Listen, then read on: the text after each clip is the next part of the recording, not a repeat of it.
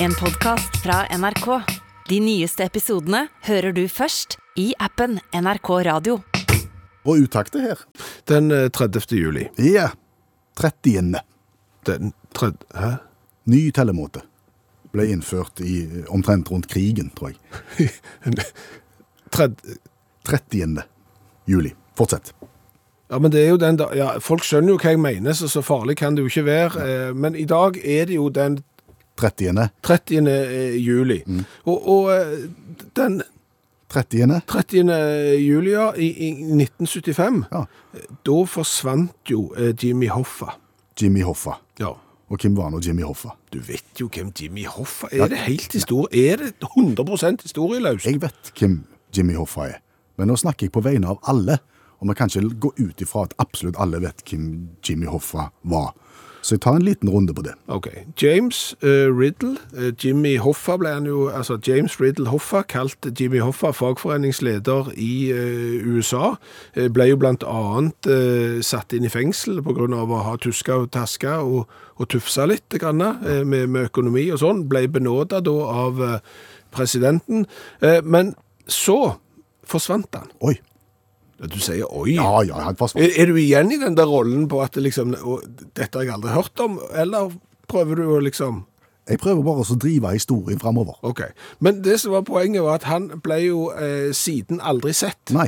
Han forsvant ifra en restaurant den tret- 30. 30. eh, juli 1975, altså på denne dagen i historien, og siden har ingen sett han, bortsett fra de som har sett han, og sikkert sett Elvis òg. Eh, ja, det er jo noen av de. For det, det er jo det som er så merkelig, at det der er en hel haug med ting. Folk er veldig skeptiske.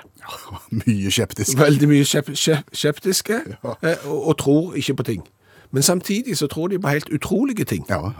Så, så det at Jimmy Hoffa han forsvant da den tre- 30. 30. juli ja. eh, 1975, og er siden sett mange ganger, gjerne sammen med Elvis og et par ufoer og sånn, det har vi ingenting eh, problemer med å tro på.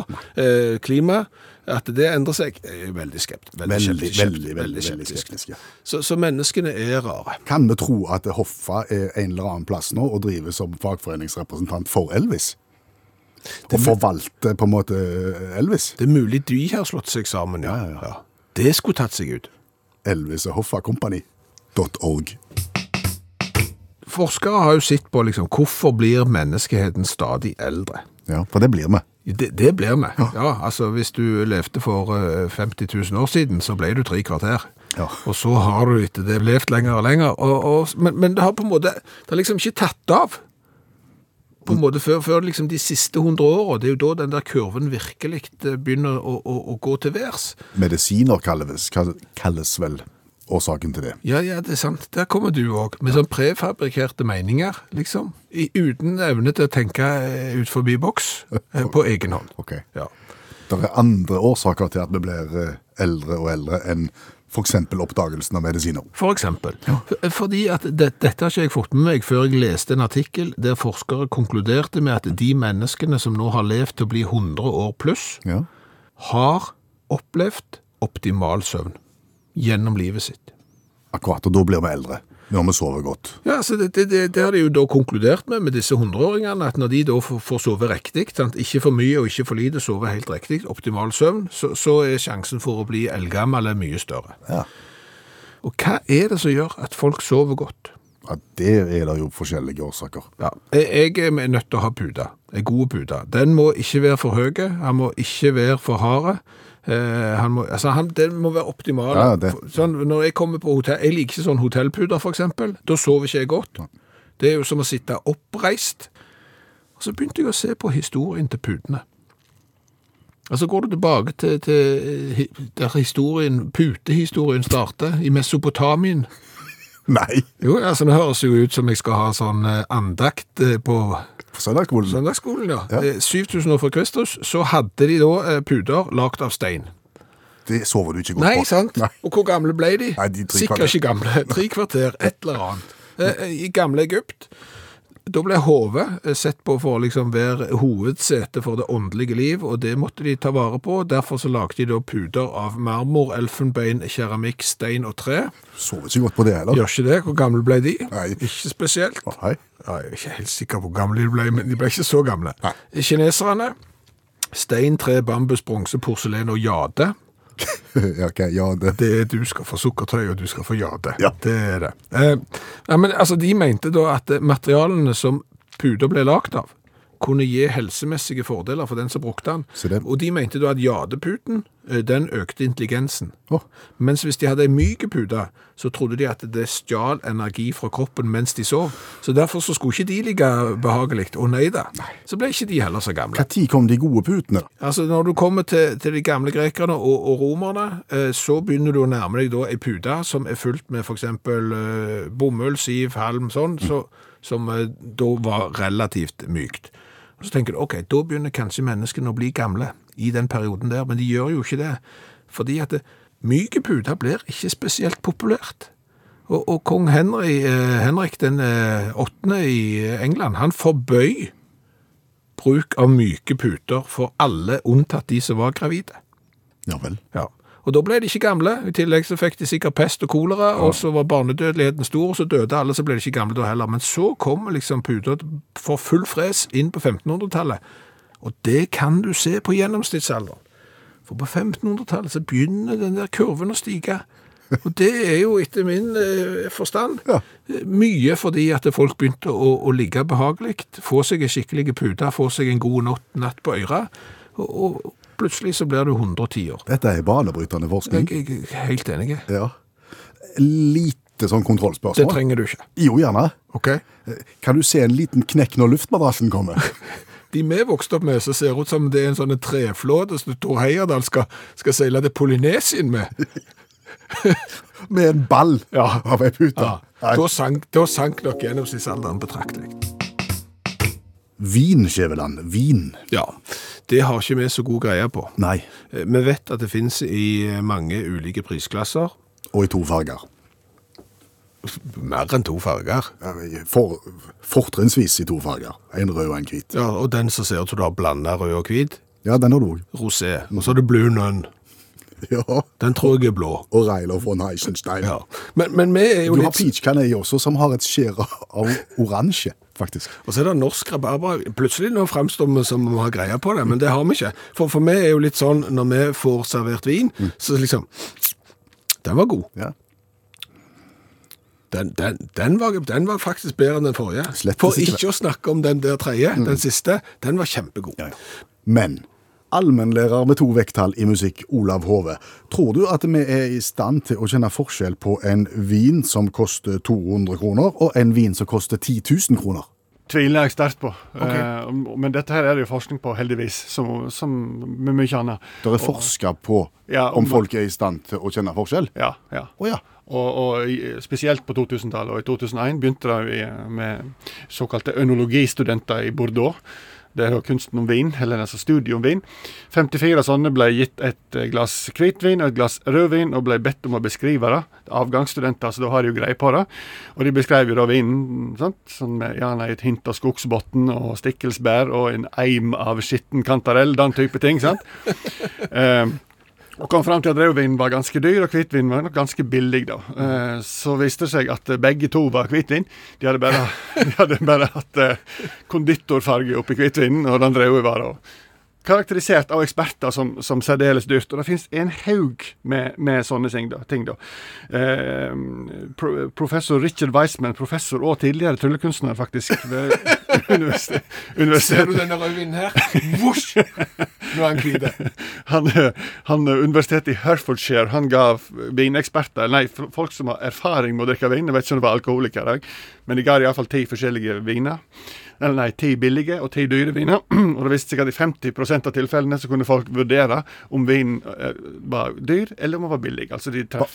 Bare halvparten av de. Ja, så med andre ord, hvis du hadde tatt kron og mynt, så ville du ha fått samme resultat. da. Og sånn går det videre og videre og videre. Og videre, og, og Californias Institute of Technology de visste at de tok dyr vin på billige flasker, billig vin på dyre flasker og testa på folk, og det viste seg faktisk at den billige vinen på de dyre flaskene var den som ble de fikk best karakter.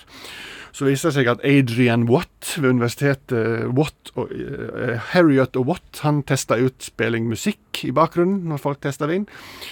Og så viste det seg at hvis du hører på Iron Maiden mens du tester vin, så vil de fleste si at denne vinen var kraftfull og mektig. Hører du på Bach og Brahms og Beethoven, så vil du si at den er sofistikert og elegant.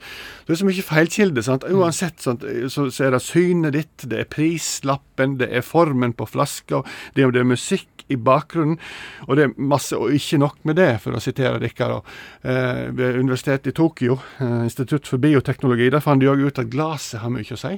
Hvis du drikker et glass med stor åpning, så vil folk like vin mindre enn det har en liten åpning. Det har med sniffing å gjøre. Og når det er så mye feilmarginer, så er det noen som til slutt sier vet ikke, vi må ta vekk alle feilmarginer, så må vi teste om folk faktisk er i stand til det her. Og Hilke Plassmann ved Universitetet i Bonn, festlig navn, hun tok for to år siden faktisk og sjekka ut det her. Hvordan gjorde hun det? Du Tral omgi- tok en samling i bånn. Vi må ha nøytrale omgivelser, og så må vi teste om de faktisk liker det de sier at de liker. For det er jo, tror hun at folk sier at 'å, den er dyr', da liker vi den, og så liker jeg den egentlig ikke. Så, så hun fant at eh, det var én ting som gjorde det, og det var prisen. Når folk fikk beskjed om at dette her er en dyr vin, og den var dyr, så likte de den, og det visste hjernebølgen òg, at dette var slik det var. Så hun sa det er én ting som avgjør om en vin er god eller ikke for folk, det er om den er dyr eller ikke. Så er det blitt stilt litt spørsmålstegn om disse nøytrale omgivelsene til den godeste Hilke Plassmann. Fordi at hvor hen er det best å sjekke sånne hjernebølger? Jo, det er inne i MR-maskin. Så hun hadde 26 tekst- testpersoner som lå inne i MR-maskiner. Det er ikke lett å drikke, da. Men jo da, gikk fint da, for de hadde en slange festa inn i munnen. Og så fikk de beskjed om dette er en dyr vin, og så sprut inn i kjeften. Og så skulle de da gi karakter til den dyre vinen. Og hver gang så traff det godt. Når det var en dyr vin, så ga de god, god eh, karakter. Og når det var en billig vin, så ga de dårlig karakter. Og innimellom vinspruten så fikk de en sprut med vann, sånn at de fikk nøytralisert hele munnhula inni denne her bråkete. Så hører det med til historien at ni ganger så fikk vannet toppkarakter, eh, av, eh, men, men det er pirk. Så det er prisen, gutta. Men tusen takk skal du ha, allmennlærer med to vekttall i musikk, Olav Hove. Vi må begynne å- med å snakke om elefanten i rommet. Vi må det. Ja, vi må det. Er det noe eh, åpenbart i rommet vi ikke har snakket om? Ja, eh, elefanten i rommet. Er det det jeg sier? Er det noe eh, åpenbart Uttrykket 'elefanten i rommet' skal vi snakke om? må vi snakke om. Det har på en måte vært elefanten i rommet eh, lenge, og derfor må vi diskutere elefanten i rommet. Som betyr eh, noe sånn som at eh, det som alle vet, men som ingen snakker om. Ja, et åpenbart eh, problem som ingen ø- ønsker å diskutere, og det kommer av at en elefant i et rom vil være umulig å overse. Et godt uttrykk. Et dårlig uttrykk. Det er dårlig. Ja, fordi at vis meg den familien, den forsamlingen eh, av mennesker som ikke hadde diskutert hvis det var en elefant i rommet. Godt poeng, Skjæveland. Ja, jeg syns òg det er et veldig veldig godt poeng. Eh, Noen hadde sikkert blitt eh, skrekkslagne og, og sprunget ut i, i, i panikk, men garantert eh, l- blitt lagt merke til, og iallfall gitt lyd fra seg om at det var en elefant der inne. Men så kan- kanskje onkel Carl, eh, bygningsingeniøren, pensjonert sådan. Jeg tror ikke det at de der eh, gulvbjelkene er- er dimensjonerte for sånn tyngde. Det tror jeg ikke. Biologilæreren hadde kanskje begynt å snakke om rase, eller? Ja, et eller annet. Men, men alle hadde garantert snakket om at det var en elefant i rommet. Så dermed så er jo eh, elefant i rommet et litt dårlig uttrykk for at det er en elefant i rommet. Har ikke tenkt på det sånn før, men jeg, jeg ser jo det nå. Ja, eh, det, det er jo andre ting. Altså, Ja, Du må jo erstatte dette uttrykket da med noe. ja, eh, hva med bestefar var nazist?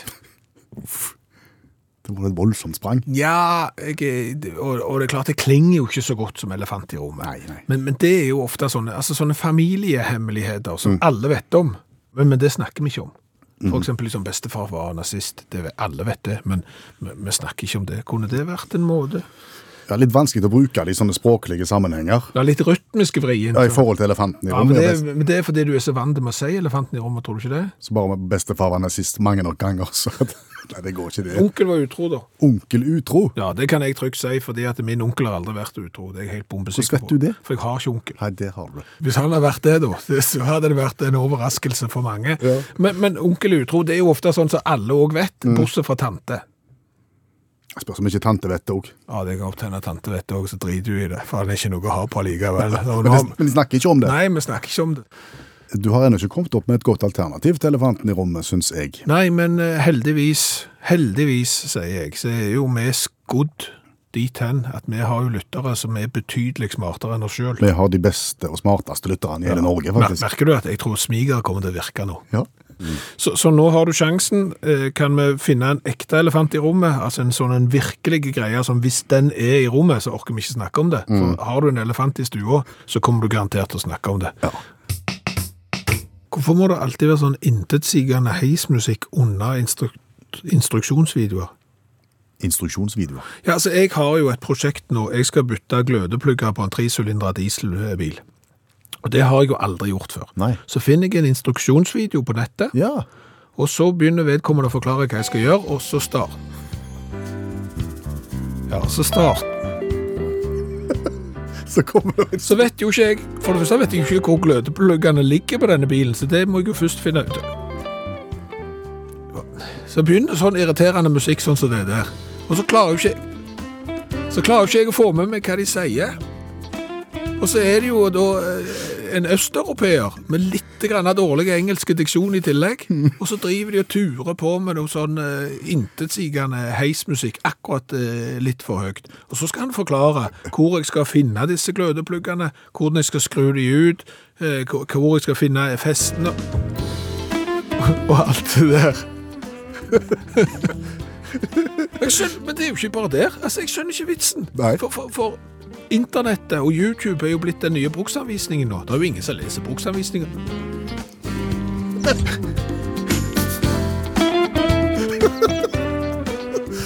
Så hvis du skal prøve å bytte glass da, på en iPad for eksempel, Ja. som jeg har brukt bruksanvisning for, så kommer den der heisen Da òg. litt for høyt, Ja. sånn at jeg ikke får med meg hva han sier. Eller jeg skal gjøre Ja, nå holder det, altså. Hvis du skulle undervise på skolen og lære folk vanskelige andregradsligninger, så ville du aldri turt i gang med musikk under. Liksom, ja vel, sett dere ned, og eh, sånn, nå skal vi begynne med Den ville ikke det. Nei, du vil ikke det. Nei, men tror du at de Når de lager instruksjonsvideoene, så føler de at det blir fjongere når du det- legger på? Det, er bare- det er bare jåleri? Ja, jeg tror bare det er jåleri. Ja. For hvis, det, hvis du skal komme tydelig frem med budskapet, så trenger Så trenger du ikke ha noen ting sånn. Nei. Det er det jeg mener. OK. Så moralen er, skal du lage instruksjonsvideo, bare dropp musikken. Ja, jeg vet ikke hvor mange av våre lyttere som sitter der i inspirasjons- eh, instruksjonsvideoboksen og, og egentlig tenker å gå i gang, men hvis du nå skal gjøre det, så bare la være med musikk. Da får det vekk, da. Hallo, ja. Hallais, Klingsheim! Hei, Stavanger-smurfen.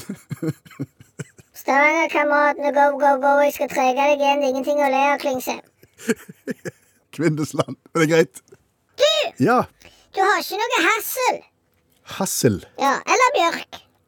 Jeg har masse tilgang på bjørk. Ja, har du det, ja? Ja da. Ja, men det er fint. du. Da krysser jeg av bjørk. Er du sterk på g- g- burot? Burot har jeg ikke så mye av. Gras? Gras kan jeg skaffe. Katt? Nei, det kan jeg ikke skaffe. OK. Eh, da mangler jeg hund, hest og litt sånn vanlig generell pollen, kanskje. Jeg følger deg ikke helt nå, Stavanger-smurfen. Nei, du vet jeg er jo allergisk. Ja, det har du sagt før. Ja, mot det aller meste, faktisk. S- Så eh, vårens vakreste eventyr eh, for mange er jo vårens eh, verste eventyr for meg.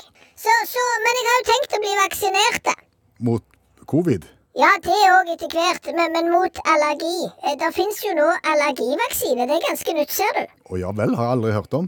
Nei, nei, det er så, det, Og det virker jo litt sånn som vanlige vaksiner. Først så får du en liten sprøyte med det du ikke tåler. Eh, så skal du gjenta det da med ukentlige injeksjoner i syv uker. Eh, Så skal du fortsette å øke, øke, øke dosen hver åttende uke i tre til fem år. Det hørtes ut som et vanvittig løp. Ja, hvem fager er det som har tid til det? Ja, eh, Stemmer det du sier nå? Ja, ja, ja, og så skal du da utvikle toleranse mot det der som du er eh, allergisk mot. OK. Ja, Men du ser at det går jo ikke det. Du kan ikke gjøre på annet, da. Herremann, jeg kan jo ikke sitte inne i tre til fem år og så, så, så sprøyte jeg meg fullt av alt det der. Så derfor så har jeg jo tenkt å gå på min egen form for allergivaksine. En mer form for eksponeringsterapi, hvis du skjønner. Mm. Jeg vet ikke om jeg skjønner, men jeg kan ikke skjønne likevel. Hvis du f.eks. er redd for høyder, Ja, da skal du klatre opp i ei gardintrapp. Og så skal du studere en stund, og hvis du syns det gikk greit, så skal du opp i en høyere stige. Til slutt så kan du stå på møna og dette ned. Du skal på en måte eksponere deg for det du er redd for, eller det som plager deg. Ja, men det er jo det samme med allergivaksinasjon. Du skal da sprøyte inn ting som du ikke tåler. Litt etter litt etter litt etter litt. Men har du dårlig tid, så har du ikke mer enn ti år veien, og det er derfor jeg samler inn gras, burot, hasselbjørk, hest, hund, katt og diverse pollen. Skal du kjøre alt på en gang? Og jeg har fått låne eh, kjelleren til kajakken. Naboen? Ja, så han har jo begynt å samle inn litt. Han har jo hest ute på den gården som du vet vi snakket om, der han samler på gamle biler. Ja. Så han stiller med hest. Så er det vel en eller annen som kan få tak i hund og katt. Det skal inn i kjelleren. Eh, vi samler inn litt pollen, og du skulle ta med bjørk. Ja. Ja, da tar du med bjørk, og så mangler vi litt hassel, gras og burot. Og så får vi alt det inn i kjelleren. Og så begynner jeg da med eksponeringsterapi. Så tilbringer jeg liksom ti minutter i kjelleren. 20 minutter i kjelleren. En time i kjelleren. Tolv timer i kjelleren. Til slutt så kan jeg bo i kjelleren, og da er jeg ferdig vaksinert, hvis du skjønner. Det går mye fortere enn tre til fem år. Du kan ikke holde på med det der. Det må jo til og med du se, Klingsheim. Kvindesland heter jeg. Ja, Samme kan det være. Du òg må jo se det. Det her er genialt, er det ikke det? Du vil jo bli brutalt tøft for deg når du skal på en måte utsettes for alle disse, her- alle disse allergiframkallende tingene på en gang. Jeg mener, Det er sikkert galt nok med én av delene. Du kommer til å få fæle dager. Det er jo mye bedre enn å få ei sprøyte, vente syv uker, ei sprøyte til. Da har jeg det jo ille i syv-åtte uker. Det her ser jeg jo for meg er gjort på ei langhelg. Ja, ok. Så neste uke så er jeg tipp topp in shape. Når skal du begynne med dette her? Jeg går i gang nå med en gang, jeg. Altså as we speak. Eh, så hvis du bare kommer over her med det der Anne bjørk og greiene, og vi får tak i litt burot og hund og katt og sånn, så, så er vi på plass. Ready to go. Det er nybrottsarbeid, dette, Stavanger-smurfen. Om det! Du kan bare sale opp den der eh, nobelprisen i eh, alternativ medisin med en eneste gang. Den går til meg. Det er det ikke tvil om. Men da får jeg rapport fra deg om ei uke da, om hvordan dette her har gått. Vær sikker, du, Klingsheim. Kvindesland heter jeg. Ja, samme kan det være. Du kan være sikker for det. Jeg skal komme og gi deg en rapport, så det kommer til å svinge av. Jeg kommer til å være fri som en fisk. Eller noe. Det kommer til å bli så bra. Gleder meg. OK, Snakkes, da. snakkes! Ha det. De vanskelige timene etter vielsen. Ja, De vanskelige bryllupstimene, som jeg kaller de. Mhm. Og hva tid er det det inntreffer, sier du? Vielsen er over. Ja. Så skal det være fest og basar og, og sånn etterpå, men det er jo ikke rett etterpå. Nei. For da skal brudeparet til fotograf, og da skal det skje mye ting. Mhm. Mens gjestene må slå i hæl to til tre timer. Ja, og det er litt for liten tid til at du kan gå hjem. Så hva gjør du egentlig i de tider? Var det er litt for tidlig til at du kan gå på festlokalet, for det er jo i ferd med å bli stelt i stand. Det er ikke bare litt for tidlig, Og det det er ser- altfor tidlig. Det ser så dumt ut når du kommer velkledde der og skal sette fra deg fondygryta eller raclettjernet på gavebordet, Ja. og, og så er det ingen der. Nei, nei. Og du er kledd i det fineste stas. Ja. Du er det. Så dermed så er det òg litt begrensa hvor du kan gå og sette deg, fordi det ser litt tåpelig ut hvis du kommer i, i smoking, eh, eventuelt den flotteste kjolen du har, og setter deg på McDonald's. Ja, Du kan ikke gå i byen heller og, og handle, liksom. Du kan jo Nei, du kan ikke gå og handle heller, nei. nei du, du kan ikke det. Nei, og så kommer jo et vanskelig moment inn i dette her, og det er mat. Fordi at her går det timer. Ja, du, du har jo ikke tenkt skikkelig etter, fordi at før du gikk i vielsen, så tenkte du at eh, du skal jo i bryllup, så jeg- du skal ikke spise noe særlig. Nei. Eh, Så dermed så har du ikke spist noe særlig, annet enn to knekkebrød. Mm. Og det angrer du på med en gang vielsen er slutt, og du vet at det er tre timer til bryllupet begynner, festen, for da skal du heller ikke ha mat med en gang. Nei, nei, nei. nei. Så er, er det start på bryllupet klokka 17, så er det kanskje mat 18.30.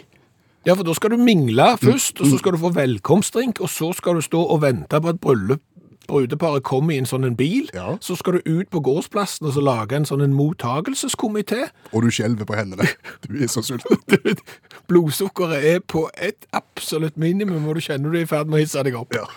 det er skikkelig ugreit. Altså, En mulighet er jo i mellomtida her, som du sier, altså type McDonald's eller bensinstasjon. Det er livsfarlig. For her snakker du da gjerne produkter som inneholder ketsjup. Ja, og er det noe du ikke skal ha på den hvite skjorta di som du har strøket eh, og er på vei til bryllup i, så er det ketsjup og Ja, sennep. eller, eller kjolen. Ja, det vil du ikke ha. Nei. Du vil heller ikke gå og, og, og kjøpe rekesmørbrød med majones. Kebab helt utelukka. Helt utelukka. Så dermed så, så blir du jo bare sittende der og vente, Ja. og det er vondt. De vanskelige bryllupstimene. Ja. Det var jo noen som løste det på et vis eh, når du og meg var toastmaster i et bryllup. Ja, jeg vet ikke om jeg vil anbefale deres metode heller. Nei, de gikk på forspill. Ja. Etter kirka så Ja. gikk de rett på vorspiel. Ja. Det innebærer jo to ting. Eh, For det første så kommer de litt for blide eh, til bryllupsfesten. Mhm. Ja, ja. Det er det ene. Det er ikke det verste. Det er ikke det verste. Det andre er at eh, når brudeparet kommer, Mhm. og alle i selskapet skal stå i en sånn en mottagelseskomité, Ja. så er det ikke noen Nei, for de er på vorspiel. på forspill. Og det er dumt når toastmasterne er de eneste som står og tar imot eh, brudeparet. Ja. Så det vil vi heller ikke anbefale. Så, så bare spis før du kler deg, rikeslikt Ja. før du går i kirka, og tar med deg ei god bok. Ja, kanskje det. Eh, Det er et triks. Ja. Nærmest. Sitte i bilen. Og en regel i dette programmet her lyder som følger. Dersom deler av personalet har vært ute på reis, fortrinnsvis i utlandet, så plikter vedkommende å komme tilbake med ny viten som kan være til gavn og glede for alle lyttere av Utakt. Du kjenner regelen. Stemmer det. stemmer det. Du har vært i London i helga, og hva kommer du tilbake med, Skjæveland? Doktor Skjæveland. Doktor Skjæveland. Ja, du kan kalle meg doktor Skjæveland fra nå. Ja, hva kommer du tilbake med, doktor Skjæveland? Jo, det kan jeg fortelle deg. eh, At eh, jeg tror at titler kan gi deg eh, fortrinn. eh, Litt på samme måten som hvis du skal ut og reise med fly. Og troppe opp eh, på den internasjonale flygningen til New York f.eks. i brudekjole, så er sjansen for at du blir oppgradert eh, uten kostnad til første klasse relativt stor. Det har vi jo sett med egne øyne. Vi kjenner folk som har eh, gjort det, og og det trikset virker jo. Og det er her doktoren kom inn i Ja, bildet. her her kommer doktoren i- inn i bildet. Men du er ikke doktor. Nei, jeg er ikke doktor. Nei? nei, nei, langt derifra. Eh, Men greia er den at eh, ja, det blir en liten omvei nå, eh, og dette er jo ikke det stolteste øyeblikket verken for deg eller meg. Men vi er jo blitt nå såpass gamle at eh, de siste gangene vi har vært i, i, i London hver for oss, så har vi sjekka inn på det samme hotellet. Ja, veldig greit å, å vite hvor du skal, og, og du kjenner området, og trygt og godt. det, det er så gammelt at det, det, det er nitrist. Men, men jeg var i London i helga, og dermed så var det jo å, å sjekke inn på et hotell som jeg hadde bodd på to ganger tidligere, fordi eh, da vet jeg jo hva jeg får. Da Ja. vet jeg hva jeg- det ligger, og er veldig greit. Ja, ja, ja. Ja, ja. Trygt og godt. Men det er jo en annen ting eh, med meg, det er jo at jeg er jo relativt gnien. Ja, altså du er jo en raser på billige hotellrom og, og flyreiser og den slags. Du har noen nettsider der som bare du kjenner til, Mm. og som gjør at du s- veldig ofte kommer godt ut av det. Ja, så jeg, jeg er jo ikke interessert i å betale mer for ting eh, enn jeg strengt tatt må, iallfall ikke hvis det ikke er fjernsyn eller musikkutstyr. Eh, Og dermed så var det jo sånn at eh, den billigste eh, jeg fant på dette ho- hotellet, det var på hotellnettsida sjøl. Mhm. Så det jeg bestilte jo absolutt det rimeligste rommet de hadde. Ingenting ekstra. Overhodet økonomi, økonomi, økonomi sto der der. Betalt på forhånd, Å, ja, ingen avbestilling. Alt det der. Alt det der er det. Alt det der er Og ikke snakk om å bo høyt oppe i høyden med utsikt over byen og den slags. Oppe, oppe i vi- VIP-området, nei. Ja. Er du rasgalen? Ikke Nei, det. nei, nei, jeg betaler ikke for det. Absolutt minimumpris. Så kommer du inn der på hotellet, Mm. stiller deg opp på den her eh, fl- flotte lille teppet foran den gullforgylte depresjonen der, Ja. og, og, og sjekker inn. Og ikke må jeg legge kredittkort eh, inn, for jeg har jo betalt på forhånd, så alt er jo i orden. Mhm. Så får jeg en sånn en lapp. Av damen i disken. Ja, så, så skriver PGU, så står det der. Eh, mellom klokka seks på kvelden og halv åtte så har du adgang til, til VIP-loungen. Der vil det være fri bar og servering av småretter eh, til din benyttelse. Du kan ta så mange aviser du vil. Der er gratis kaffe til alle døgnets eh, tider. Du kan også spise frokost i denne VIP-loungen, sånn at du slipper å menge deg med allmuen, for der er det mye folk og ganske trangt, så det slipper du. Og rommet ditt ligger i øverste etasje, i etasje nummer tolv. Med utsikt over byen. Ja, med utsikt ned mot Earls Court. Dette fikk du. Dette fikk jeg. Dette hadde du ikke betalt for. Nei. Og jeg begynte å lure på hva i all verden er det nå jeg har Ja. bestilt. Jeg prøvde jo å være gnien her og ikke legge mer enn jeg, jeg måtte i dette. Ja, her. Vurderer du da å si at dette kan ikke være meg? Er du såpass ærlig? Og tenk, eller tenker du «Hoho, jippi», Jeg kikker på kvitteringen. som du får? Ja. Og på kvitteringen så står det doktor Bjørn Olav Skjæveland. Der kom doktoren, ja. Og da begynte det å demre. At eh, den laveste prisen jeg fant, det var jo med å så melde meg inn i, i kundeklubben til dette hotellet. Og jeg tenkte det er sikkert lurt, jeg har jo bodd der to ganger før, kjenner det, så jeg kommer sikkert til å bo der to-tre ganger til i løpet av de neste ti årene. Så kan det likevel så godt være med i kundeklubben. Ja, men doktor, Da er det jo sånn at det er noen land som er litt mer opptatt av titler enn andre. Vi er jo ikke det i Norge, med mindre du er konge og Hans Majestet.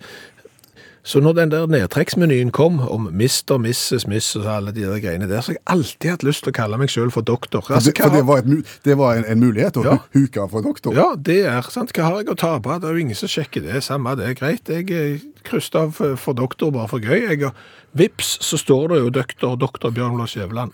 Og jeg tror jo at i England så liker de å titler, og at det dermed, hvis hotellet var litt fullt og alt sånt, så vi oppgraderer doktoren eh, free of charge. Det, det var iallfall det jeg tenkte. Så jeg hadde gratis bar fra seks til halv åtte hver kveld, og, og spiste frokost vekke fra allmuen. Ja. Ja, ja, ja, med eget bacon og Ingen ulemper en, med å være doktor? Nei, det, det var Én ulempe var det jo. Jeg, jeg satt jo med hjertet i halsen hver gang jeg satt ned i den der VIP-loungen, enten det var frokost eller gratis bar, fordi at det, plutselig så bare forventa jeg en beskjed på høyttaleranlegget. Can eh, Dr. Bjørn Lars Skjæveland please contact the reception, we have an emergency, på en eller annen etasje. Det skulle tatt seg ut. Arteriepunktert! Vet ikke hva, hva jeg skulle gjort da, så, men, men det skjedde heldigvis ikke, så jeg begynte å slappe av etter hvert. Hva gjorde sterkest inntrykk eh, på deg som doktor Skjæveland? Eh, Det er jo det at eh, som doktor Skjæveland så hadde jeg tilgang til egen mann som styrte brødristeren. Han hadde det som jobb, han sto ved siden av brødristeren, så spurte han eh, doktor Skjæveland om jeg ville ha toast, om jeg skulle ha mørk eller lys. Jeg tok lys, ja, hvordan ville jeg det ha? Jeg visste ikke, det er well done, eller medium. Så står han, tar brødskivene med pinsett, putter de opp i brødristeren, løfter de ut og sjekker, nei, litt til, og ned igjen. Det er veldig sterkt.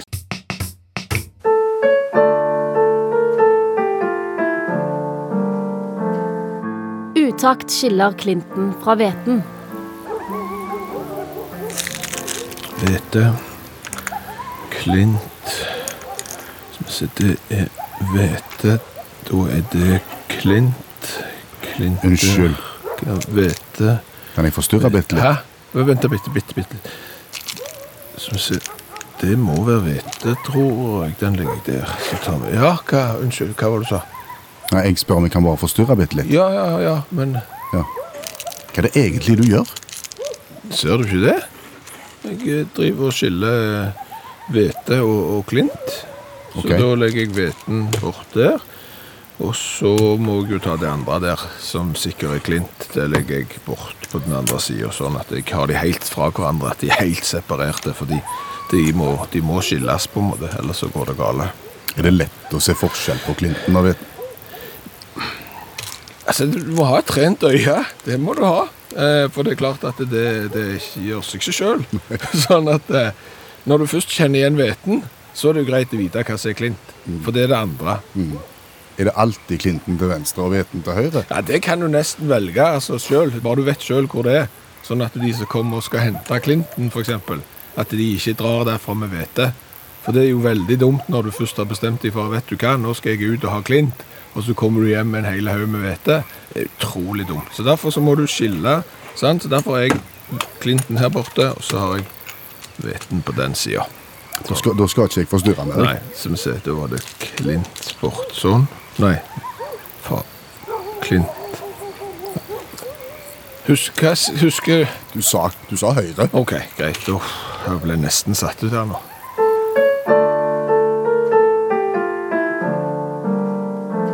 Du har hørt Utakt skiller Clinton fra hveten.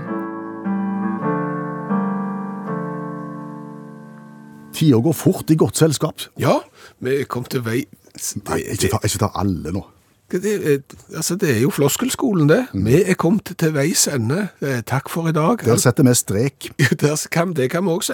Men, men har du sett Jimmy Hoffa, så, så ta kontakt, eh, for, for all del, for mannen forsvant jo i 1975 på denne dagen. 30. juli. 30. juli var det. Jeg, hva er det jeg sier? Du sier 30. Ja. Nå sa du det òg. Merker du det? Du er ikke hakket bedre. Du kommer med kritikk, du kommer med rettelser, og når alt kommer til alt, så er du en av oss andre, du òg. Det ble så rørende at jeg tror da la oss det være siste ord. Fortsatt god helg. Mer utakt neste lørdag. Tra-la-la-la-la-la-la. Jaha, det var ikke mer. Sett nå kaffekjelen over og slapp av, og kos deg litt. Takk for nå.